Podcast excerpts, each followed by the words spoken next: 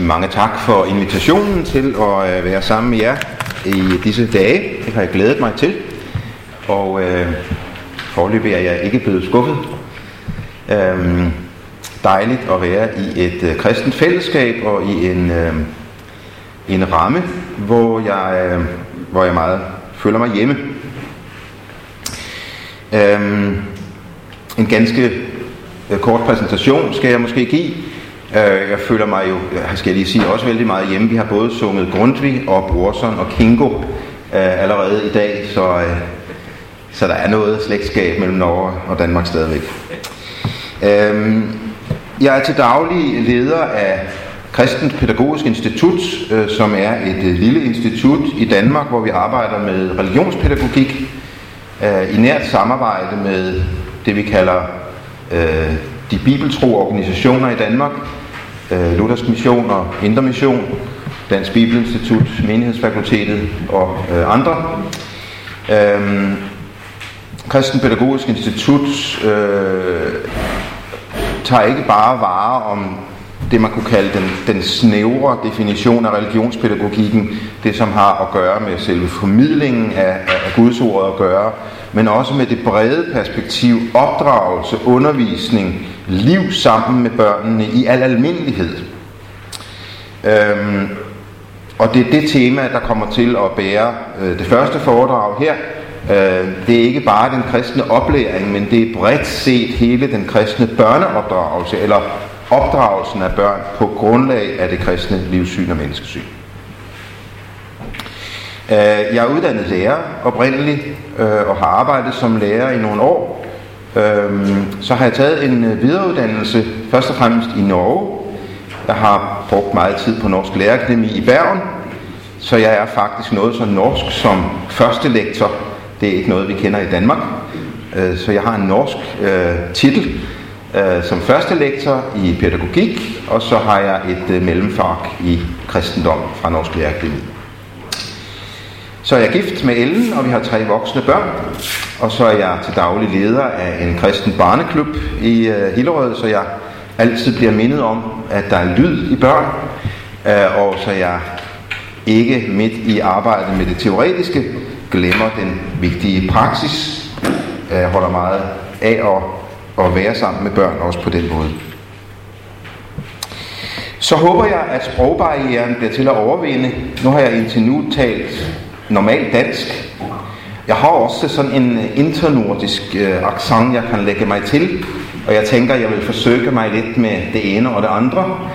Øh, så øh, jeg tror, jeg lægger ud med denne internordiske, som hverken er dansk eller norsk, det ved jeg vældig bra, eller vældig vel. Men øh, jeg har en vis erfaring for, at øh, om jeg slår om i denne lidt øh, syngende dansk dialekt, så går kommunikationen lidt bedre igennem. Har man forstået, hvad jeg har sagt indtil nu? Okay, der nikkes. Flot.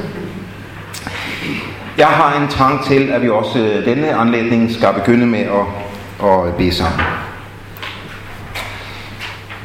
Hvor gode Herre Gud, vi takker dig for, at vi, at vi får lov at være hos dig med hele det liv, som vi lever. Også vores liv sammen med børnene.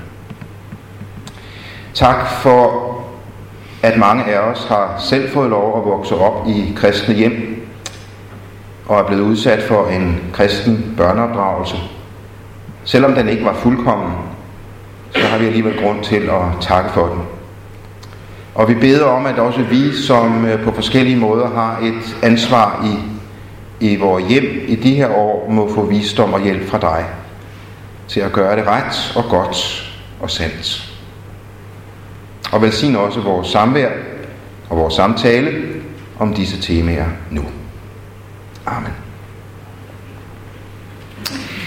Jeg har uddelt øh, to ark papir, som ligger rundt om på stolene, og nogen har vist nok kun fået det ene, men der skal altså være to forskellige ark papir, øh, som øh, rummer dispositionen for det, jeg vil sige.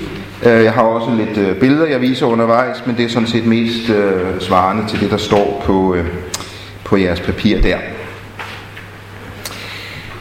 Øh, Den lidt dybere undertekst til øh, foredraget her er med afsæt i det fjerde bud, Jesu omsorg for barnet og Paulus' ord til forældre og børn, ser vi på den forpligtelse og den frihed, som dagens kristne børneopdragelse er indlejret i. Forholdet mellem barn og forældre er øh, fundamentalt. Historien er rig på eksempler på, hvor væsentligt forholdet mellem generationerne er. Det gælder på alle stater til sydlandene og til alle tider. Det gælder i kongefamilier, og det gælder i tækkerfamilier.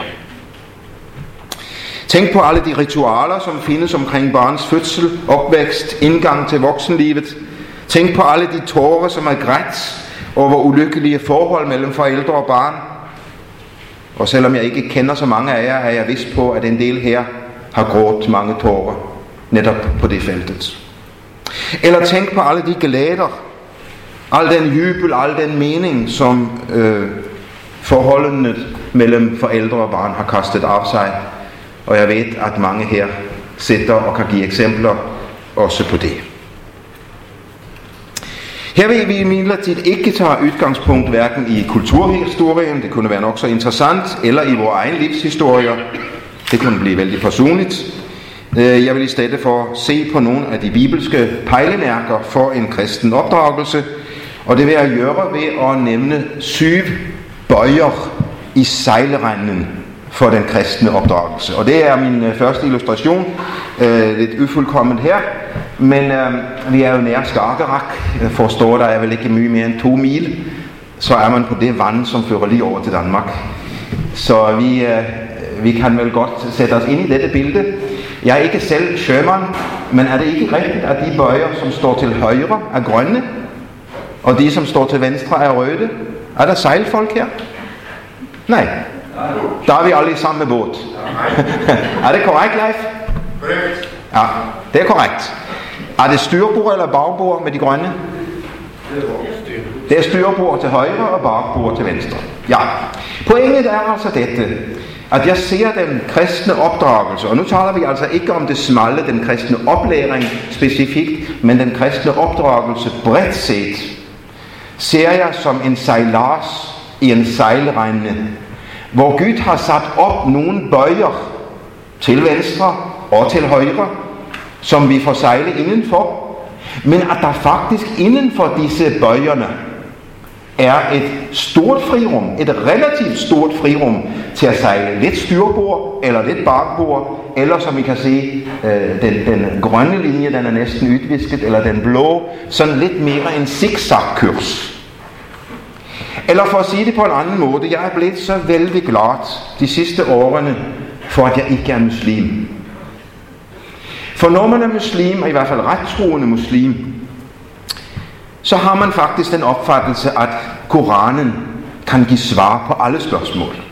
Bare man finder den rette imam, som kan tolke i uh, Koranen, så kan man få svar på alle spørgsmål.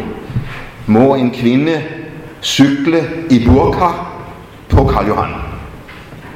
Eller hvilket som helst spørgsmål, man kan tænke sig. Finder man den rette imam, som kan tolke Bibelen for en, så kan man vide, hvad Koranen siger om alting. Sådan er Bibelen ikke. Gud har i sin store visdom, sin store kærlighed og sin store ansvarsoverdragelse til os som forældre givet os nogle bøjer at sejle efter, men inden for det faktisk en relativt stor frihed til at sejle lidt styrbord, lidt bagbord eller zigzag. Og det er mit billede for så nu at rise op syv af disse bøjer. Man kunne nævne flere, men jeg har valgt øh, syv i denne sammenhæng, som for mig at se er vigtige bibelske pejlemærker, når vi der skal finde ud af at sejle hver vores kurs. Så har jeg skrevet en bog, hvor jeg giver mit byt, men ikke et så siger Herren. Min bog her om tid til børn er ikke en så siger Herren øh, bog. Det er den om de bøjerne, som er der, men ikke om den mange praksis, som, øh, som vi faktisk har mulighed for at drive øh, lidt til højre eller lidt til venstre inden for disse bøjerne. Lad os se på dem en for en. Den første bøje finder vi helt tilbage i skabelsesberetningen. På aller, Bibelens allerførste blade fortælles det om menneskets skabelse, at Gud skabte mennesket i sit billede. I Guds bilde skabte han det, som mand og kvinde skabte han dem. Og det betyder på godt norsk, at menneskets nærmeste relation, nærmeste mulige relation og nærmeste relation er mellem mand og kvinde. Men umiddelbart efter at dette er sagt, så står der, at Gud velsignede dem og sagde, bliv frugtbare og talrige og opfyld jorden. Og her introduceres der allerede barn, som forældrene får. Og den efterfølgende historie efter skabelsen bekræfter dette som en direkte følge af mandens og kvindens allermest intime fællesskab, vokser frem relationen mellem barn og forældre. Og det betyder altså, at den næst næreste relation, som gives i dette liv, det er relationen mellem barn og forældre. Den næreste er mellem manden og kvinden i ægteskabet. Det er et vigtigt point at få med i denne sammenhæng, når vi taler om kristen barneopdragelse. For det betyder, at afgørende for, om vi finder ind i den gode ordning og får sejlet efter første bøje, det er et, at vi forstår, at barnerelationen er ikke den allervigtigste. altså allerede fra starten relativiseres relationen til barn til trods alt bare at være den næst nærmeste. Det giver faktisk et frihedsbrev til pappa og mamma, indimellem at måtte sige, barnen skal ikke altid være i centrum.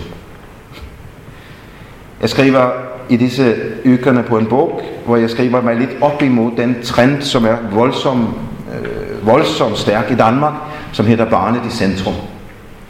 Som har gode ting i sig, men som også har gået græsart de senere årene. Og faktisk har vi allerede her i skabelsesberetningen den store begrundelse for, at det er ikke sundt for barn, det er ikke godt for barn at blive dem, som alting drejer sig om. Det er heller ikke godt for pappa og mamma, for det er vel derfor, vi ser en del skilsmisser, for når så barnen er væk, og vi ikke har vores store projekt længere, hvad skal vi så? Og derfor er det vældig vigtigt i denne sammenhæng, at pappa og mamma øh, har far og mor, har pappa og mamma, det er svensk. Ja, I ser far og mor? Ja. Begge dele, okay. Um, at den er intakt. Og at man får ret at prioritere og sige, nu får vi levere barnet til vennerne eller til uh, familien, for nu skal pappa og mamma have tid til at prate sammen og til måske at dyrke det fællesskab, som kan blive sat under pres øh, i tiden med småbarn. Men så siger dette billede altså også, at barnet er så den næstvigtigste relation. Og det betyder jo, at relationen til barn prioriteringsmæssigt må komme forud for de prioriteringer, vi har i forhold til vores job, eller vores menighed, eller andre menneskelige relationer. Og også her ser vi i vores tid et voldsomt pres. Mange forældre føler, at de skal realisere venindeskabet og venneskabet, og man skal have alle guderne med fra single-livet, når man går ind i ægteskabet. Der får man sige ganske realistisk, om du går ind i ægteskabet og får barn, så bliver der andre prioriteringer i dit liv. Der bliver en ægtefælle, ja, og der bliver nogle barn. Og du må ofre. Du må lægge til side nogle ting. Ikke alle, men nogle ting. Fordi nu er barnen blevet nummer to i dit liv. Mange danske barn lider under, at forældre ikke foretager den prioritering. I en kristen barneopdragelse er det bøje nummer et. Så er den andre bøje, som vi møder, når vi spørger til de bibelske pejlemærker. Lidt interessant selvstændighed, altså barnets selvstændighed. For det siges allerede ved de allerførste kapitler i skriften, at derfor skal en mand forlade sin far og mor og binde sig til sin hustru, og de bliver et kjøtt. Det er lidt interessant, at den første vejledning, som gives i skriften, som har med barn at gøre, som direkte, har med barns selvstændighed at gøre. For jeg vel, det handler om ægteskabsindgåelse, at man skal forlade sin far og mor for at gå ind, men det handler jo også om selvstændiggørelse. At man ikke skal blive varende i relationen til pappa og mamma, som man var, da man var liten. Selvstændighed. Hele opdragelsens projekt er på sæt og vis at gøre sig selv overflødig. Det er samtidig veldig smertefuldt. Jeg har bemærket, især for kvinder. Især for kvinder, og det har nok noget med, med kønsforskellen at gøre. Også en smerte, at målet med det hele er at gøre sig selv overflødig. Og hjælpe barnet frem til den selvstændighed, som gør, at barnet så kan indlægge en selvstændig familierelation. Det betyder naturligvis ikke, at man så ikke skal telefonere til pappa og mamma, når man er blevet voksen. Det betyder naturligvis ikke, at ikke taknemmeligheden og omsorgen er der stadigvæk. Men selvstændigheden er uhyre vigtig. Min fru er terapeut, og øh, jeg ved ikke, hvad hun prater med sine mange klienter om, men jeg får jo indimellem nogle temaer at vide. Og et af temaerne er mange unge, som stræber med at blive selvstændige at pappa, eller oftest mamma, fylder for mye, og man øh, kan sagtens være fyldt 18 år og har fået kørekort og kunne stemme til stortingsvalget, og så stadig kæmpe med søns selvstændighed.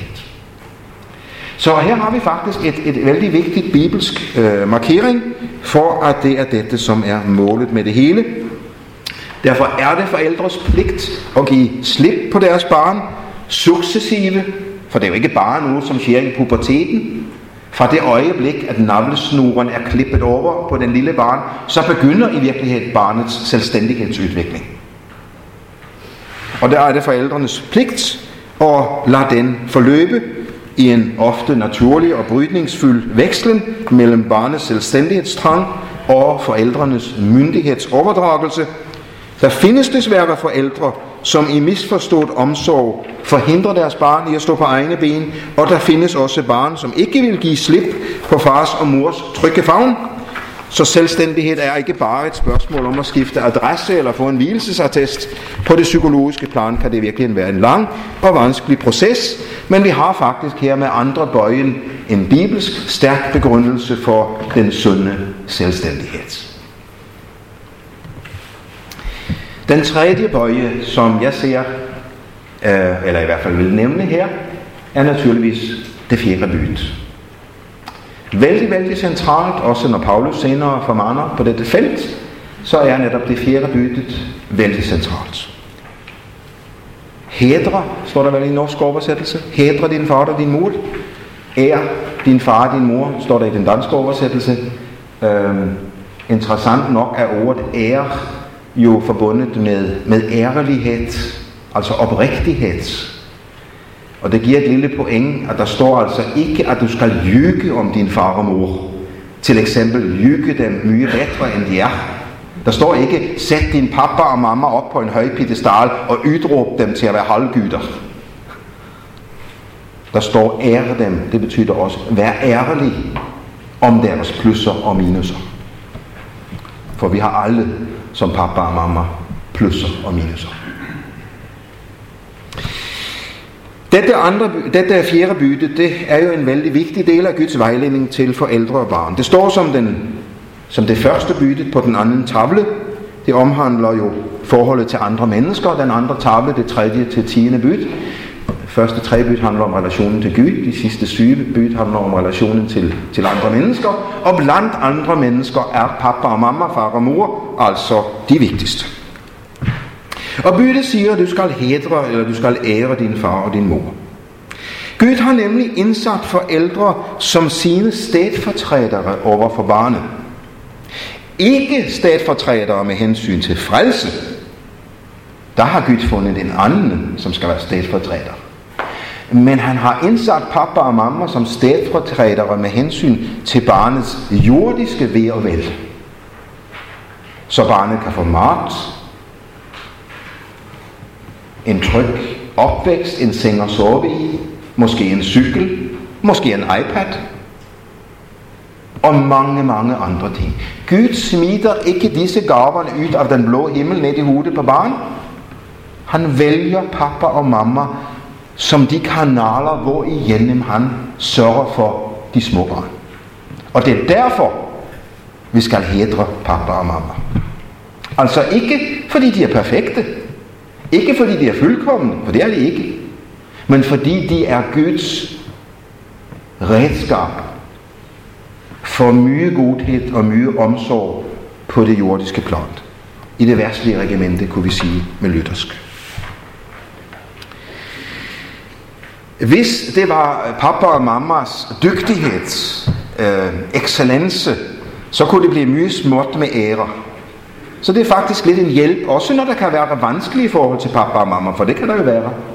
Kan heller også se, der folk her, som har erfaringer med, at netop relationen til pappa og mamma kan være vanskelig.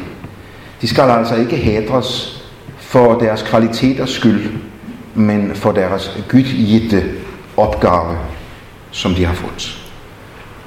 Det vil indebære normalt for mindreårige børn lydighed i forhold til pappa og mamma. Det er et begreb og en virkelighed, som er under vældig mye pres i barneopdragelsen i dag. I Danmark gøres der vældig mye forsøg på helt at udfase det ord i barneopdragelsen. Lydighed. Det er jeg voldsomt imod. Mange taler for, at vi skal udfase opdragelse, og så skal vi bare tale om inddragelse. Og jeg forstår momentet i inddragelsen. Jeg forstår anlægget, men jeg er slet ikke med på at udfase ordet opdragelse, eller ordet lydighed. Um, det er et begreb og en virkelighed, som er vældig vigtig. Det er faktisk så vigtigt, at er barnet ikke udsat for at skulle lære lydighed, så kan det ikke siden lære selvstændighed. Så nøje hænger de to sammen. At om man ikke har lært at lyde, om man ikke har mødt muren om man ikke har mødt ufravigelige krav, så kan man ikke udvikle selvstændighed. Og det ser vi faktisk erfaringsmæssigt eksempler på, at barn, som, som ingen grænser har mødt, som ingen øh, definitive øh, krav har, har, har, har mødt, de udvikler ikke selvstændighed. De bliver en slags autonome, men også lidt fritgående missiler, som har vældig vanskeligt for for eksempel at indordne sig i et fællesskab. Så disse ting med lydigheden og selvstændigheden, som vi så for lidt siden, er altså komplementære elementer. Vi må lære barn lydighed, for at de kan blive selvstændige. Men så vil jeg også gerne pointere, at det jeg prater for her, det er det jeg kalder den seende lydighed. Jeg er ikke fortaler for det man kalder blind lydighed. Fordi der er bare en, vi skal være blindlydige overfor, det er Gud. For, for, for pappa og mamma, der må vi have en seende lydighed, som gør, at jeg ser barnet for det barnet er, og barnet ser mig for det jeg er. Og det er en vældig vigtig skillnad mellem blindlydighed og seende lydighed. Den lydighed, Bibelen taler for, det er den seende lydighed. Fordi barnet jo desforuden er min næste. Det er jo ikke en, en hyndevalg, som jeg skal dressere, eller en papegøje, jeg skal lære at tale. Det er jo et medmenneske. Og så bliver det ikke plads til blindlydighed, men til seende lydighed.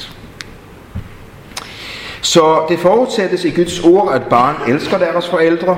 I det fjerde byt pålægges barnen også at ære dem, eller hedre dem. Men i Bibelen understreges det så lige så tydeligt, at Øh, forældre aldrig må blive genstand for noget, som ligner tilbedelse. Der er bare en i denne tilværelse, som fordrer både vores kærlighed og vores heder eller ære og vores tilbedelse. Det er Gud. Og ved den forældre, som sætter sig i Guds sted og forlanger tilbedelse af sine barn. Han eller hun synder imod den eneste, som kan kræve tilbedelse af os. For det fjerde, der må opdrages. Og det kunne lyde som en, øh, en, øh, en selvfølgelighed. Øh, men det er det ikke, især ikke i vores tid. Vi oplever i hvert fald i dansk kontekst et vældigt angreb mod selve opdragelsens realitet. Det har vel lidt med hele den postmoderne kultur at gøre, at om der ikke er noget fast at danne til, så må vi vel bare facilitere, at barnen finder hver sin vej. Og talen om at dra nogen op, det forudsætter, at ja, der er noget at dra dem op til. Et mål med livet. Det kan så være forskelligt. Socialisterne har deres liv, humanetikerne har deres, de kristne har deres, muslimerne har deres, ja vel. Men der er i det mindste noget at drage op til. Og har man ikke noget til heroppe, så er det som om opdragelse bliver ligegyldig. Og derfor er det vældig klart i kristen kontekst, at da vi har et mål for dette liv og for det evige liv, så er der også noget at drage op til. Opdragelse. Og det understreges vældig stærkt blandt andet i ordsprogenes bog i Bibelen. Der lægges vældig stor vægt på opdragelsesaspektet, og ordsprogenes bog har en vidunderlig optimisme omkring opdragelsen. Vi har haft lidt i lutherske sammenhænge en lidt for overdreven pessimisme på opdragelsens muligheder. For vi er arvesønnen og så videre og så videre, så det kan vel ikke nytte noget som helst. Det er jo så slemt alt sammen alligevel. Ja, vi får feje lidt for vores egen dør her. Der har været en vis tendens i lutherske sammenhænge til at overdrive pessimismen, overdrive faldets virkelighed og glemme skabelsens og opretholdelsens virkelighed, for at tale menneskesyn. Og der er ordsprogenes bog et herligt eksempel på øh, en bog i skriften, som, som, som pukker på det, at vi er skabt af Gud og opretholdt af Gud, og der gives muligheder for god opdagelse. Ja, ordsprogenes bogs forfatter går så vidt, så han taler om og bruger sætningen i kapitel 5, han dør af mangel på opdragelse. I dag er det lige før vi vender den om og siger, man dør af at blive opdraget. Ordsprogenes bog er præcis modsat. Man dør, hvis ikke man bliver opdraget. Opdragelse er på livets side. Det er omsorg reelt. Det at opdrage barn, også det at kræve lydighed. Seende lydighed er også at vise omsorg for barnet. Så, så Bibelen er vældig optimistisk på opdragelsens mulighed for dette livet. For dette livet. Og man kan måske sige det sådan, at øh, ordsprogenes bog realiserer den sætning, som følger efter det fjerde byttet, for at det må gå dig vel, og du må få et langt liv i det land, som Herren din Gud vil give dig.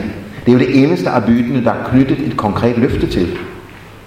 Og det udfolder ordsprogenes bog og siger, ja vel, følg denne vej, så skal du se, der bliver ikke, det handler ikke om at tjene mye penge og, og få store biler og store hus nødvendigvis, men det taler om den, den dybe lykke, som selv kan findes under mye modgang og fattigdom for den sags skyld. Fordi der er en velsignelse for dette livets ved at følge det fjerde bud. Og det realiserer vores bog vældig mye om. Så bevæger vi os lidt ind i Nytestamentet og skal se på de tre sidste bøjerne, som vi møder i, i Nytestamentet i særdeleshed. Og det første er Jesu omsorg for barnet. Det er den femte bøje, vi må sejle efter i den kristne opdragelses øh, farvand øh, eller sejlrende. På Jesu tid så disciplene og det åndelige lederskab børnene som åndeligt umyndige. Man havde en, i hvert fald en tendens til at tænke, at det først var som 12-åringer. Derfor er det nok ikke helt tilfældigt, at Jesus netop som 12-åring øh, møder frem i templet, og vi møder øh, ham der. Men at man øh, først som 12-årig ligesom var fuldt selvstændig for, for, øh, for, øh, for gudsforholdet og, og, og de ting. Og derfor når Jesus siger, lad de små børn komme til mig, så er det mere revolutionært i deres øjne, end vi hørte i vores. Lad de små barn komme til mig. Kan, kan det, hørte jeg rigtigt? Sagde du, de små barn? Ja. Den lignende chokvirkning bør vi også være lidt smittet af i, i vores tid, selvom vores kultur er, er ganske anderledes. Det er overraskende for disciplene, og det er forargende for farisæerne, at barn kunne tilhøre Guds rige på fuldt ligeværdige vilkår som de voksne. Ja, at Jesus selv sætter dem op som forbilder for de voksne. Det er bare fordi vi har hørt det så ofte, at vi ikke falder ned af stolene af forundring. Det var shocking.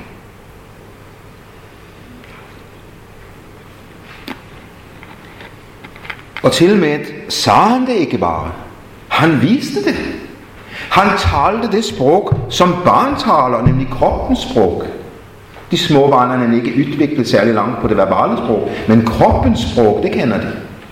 Og Jesus talte kroppens sprog til dem, og tog dem i sin fang, satte dem på sit skød, og lagde sine hænder på deres hoved, så de kunne mærke det, og velsignede dem. Stærkere kan det ikke siges at han har omsorg for små børn. Disciplene diskuterer jo dette evindeligt interessante spørgsmål om, hvem der er den største i Guds rige. Vældig interessant og vældig tåbeligt spørgsmål. Og Jesus chokerer dem med svaret og tager et lille barn i midten og nævner det. Så ved at lade disciplene se det store i de små, så udfordrer han endnu en gang de menneskeskabte værdier, som vi så let lader styre af. For det første kan vi altså se om dette og Jesu omsorg for barnet, at Jesus faktisk taler om, at et barn kan tro, apropos vort foredrag her tidligere på formiddagen, en af disse, som tror på mig, så allerede Jesus opererer med, at en, skal vi sige, toåring, måske var det bare etåringer, kan tro mig. Så taler han også om, at vi som voksne kan tale eller handle, så et troende barn mister troen. Det bringes til fald, står der om. Og så hører vi, at Jesus er kommet for at frelse det fortabte, for et barn, som ikke tror og ikke er døbt, er fortabt. Så som hyrden, der leder efter det vilfarende får, er Jesus kommet for at frelse også fortabte barn. Det kan næppe siges mye tydeligere end Jesus gør her, at Gud vil børns frelse. Børn som voksne frelses ved dåb og ved tro. Og det var denne bøjen om Jesu omsorg for barnet, som vi jo fik udfoldet i øh, foredraget tidligere her ved, ved, øh, ved Knyt, og som jeg skal give min version af i morgen. Øh, så denne femte bøje rummer altså barnedåb, trosoplæring og omsorg bredt set. Det er en vældig stor øh, markering af dette vandet. Så Jesus viser både fysisk, psykisk med sin sproghandling og åndelig omsorg for barn. Fysisk set ved at tale det sprog, som små barn taler, altså kroppens sprog, mentalt eller psykisk ved at tildele dem en selvstændig værdighed, ved at værne om dem i forhold til krænkere, og åndeligt set ved at velsigne dem og tænke omsorgsfuldt og stort om deres Guds relation. Og ved så at gøre dem til med til forbilleder for de voksne i troens verden. Ikke forbilleder i henseende til at være barnagtige, det er der nogen, der fejlagtigt tror, at jo mere barnagtige vi er, og jo mere lallende, og jo mere umodne vi er, jo bedre. Nej. Hvor forbillede, barnets forbilledlighed ligger alene i dets magtesløshed, i dets afhængighed. Det er tværtimod vældig vigtigt, at vi som voksne udvikler en moden tro. Der har været i pietistiske miljøer en vis tendens til sværmeriet for barnetroen. Den svenske sang om barnetroen, som er en gylden bro til himlen, kan jeg vel også kende i Norge. Og jeg vel, barnetroen er en gylden tro for barnet. Men det er faktisk tanken, at Gud vil, at vi som voksne skal modnes i troen. Læs bare Hebræerbrevet om den sak. Så dette er ikke tale om barnagtighed eller infantilitet. Der er tale om, at den voksne med sin modne tro netop med sin modne tro bevarer den dybe, dybe afhængighed af ham og den modtagende holdning i forhold til ham. Well, det er et aspekt, jeg kommer ind på også lidt senere i et af foredragene, hvad er forskellen på barnetro og voksentro, sådan psykologisk set. Det kommer jeg ind på senere, i morgen eller i overmorgen. Den sjette bøje, vi skal have rejst i denne sammenhæng, har jeg givet et lidt langt navn. Ulidige børn og urimelige forældre er to arlen og det samme dårlige stykke. Er den vending to arlen og det samme dårlige stykke kendt i Norge? Ja. Øhm, og her møder vi altså især øh, Paulus' øh, formaning som en vældig tydelig øh, udtryk for dette.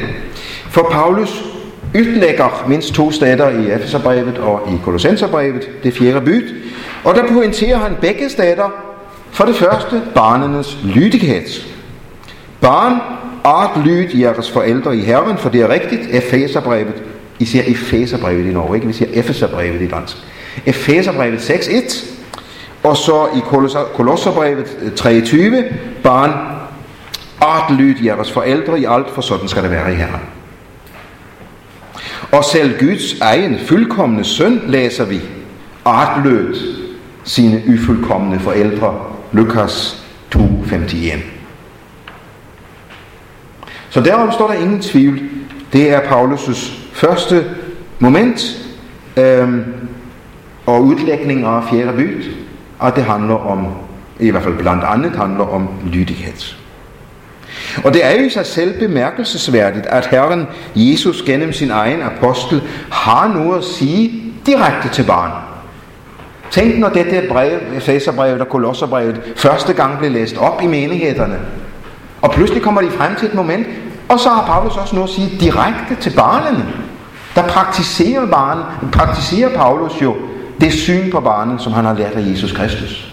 At de er fuldværdige mennesker. Også de kan tiltales i et af hans breve. Og jeg tror, det har gjort nogle barn lidt stolte. Der var også nu til os. Ja, et alvorsord og et godt ord, men til os.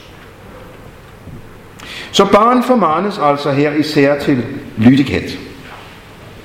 Og lydighed har at gøre med hvad, at gøre, hvad det bliver sagt.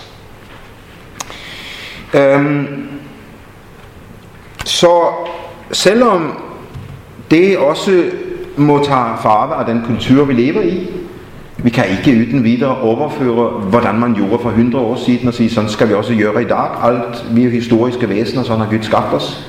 Så vi kan ikke bare tage den eksakte form, som vores pappa og mamma eller bedsteforældre gjorde det. Det er derfor, man er nødt til at skrive nye bøger om barneopdragelse. Fordi man kan ikke bare kopiere øh, uden videre, fordi der er et felt her med, med sejlrendene, hvor der gives muligheder til højre og venstre. Øhm, men at selve lydighedsbegrebet står fast, det er der altså ingen tvivl om. Men lydighedskravet har altså også en grænse i skriften. Vi kunne have sat op en, en bøje mere. Jeg tager den bare med her under denne bøje. Vi møder den i apostlenes gerninger. Man bør altid adlyde Gud mere end mennesker. Også forældre. Også her relativiseres forældrenes autoritet altså.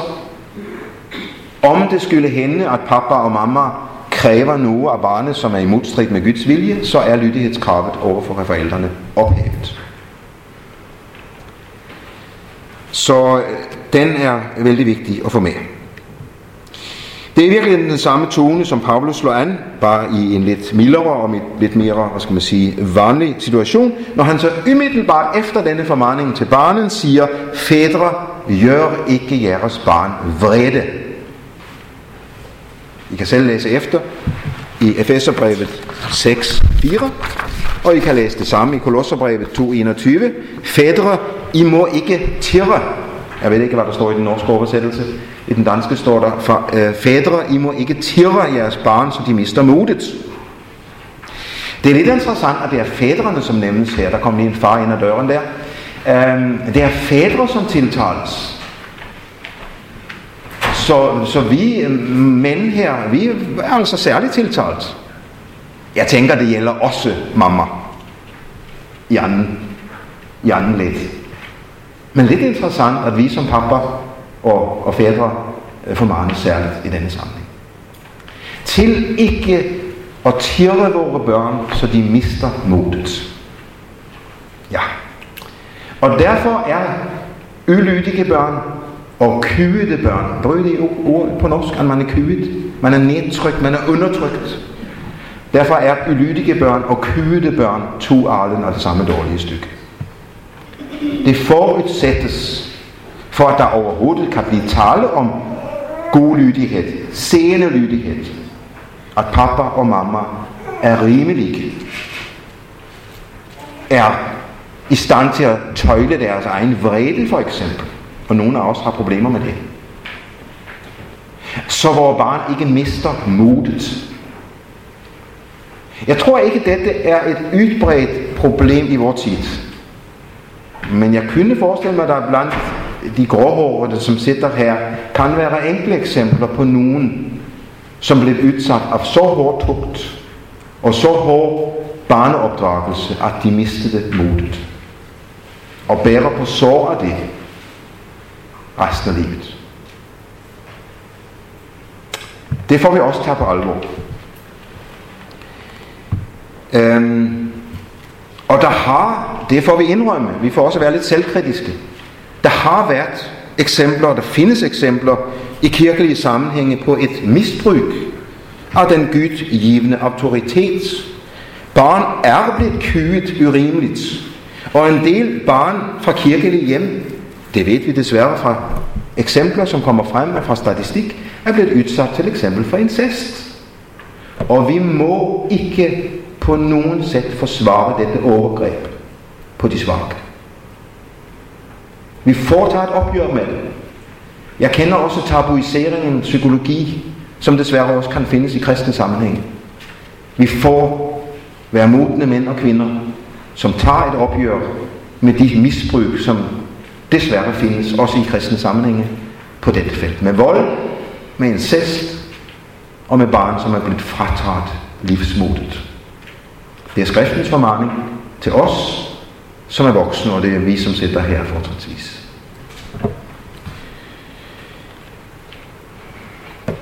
Den syvende og sidste bøje, vi skal fat i her i denne sammenhæng, er den vending, som Paulus så også bruger i denne sammenhæng i, i Efeserbrevet øh, med vendingen, opdrag dem i Herrens tugt og formaning. Og der er jo tugten med, at vi skal bare forstå, at tugt i bibelsk forstand ikke er identisk med korporlig afstraffelse, men med øh, omsorgsfuld og fast autoritetsudøvelse. Om det så kan man føre et klask over fingrene, det er en anden sag, men, øh, men det er det, der menes med tugt. Tugt er ikke synonymt med tæsk. Jyling hedder det vist på norsk, er det ikke rigtigt? Jyling på blanke bakke. Ja, det er ikke det, som det er synonymt med.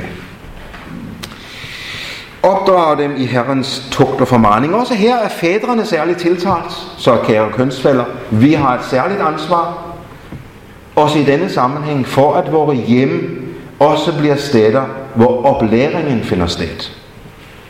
Vi har været inde på det også tidligere i dag med oplæringens betydning. Det er den, vi rører ved her igen.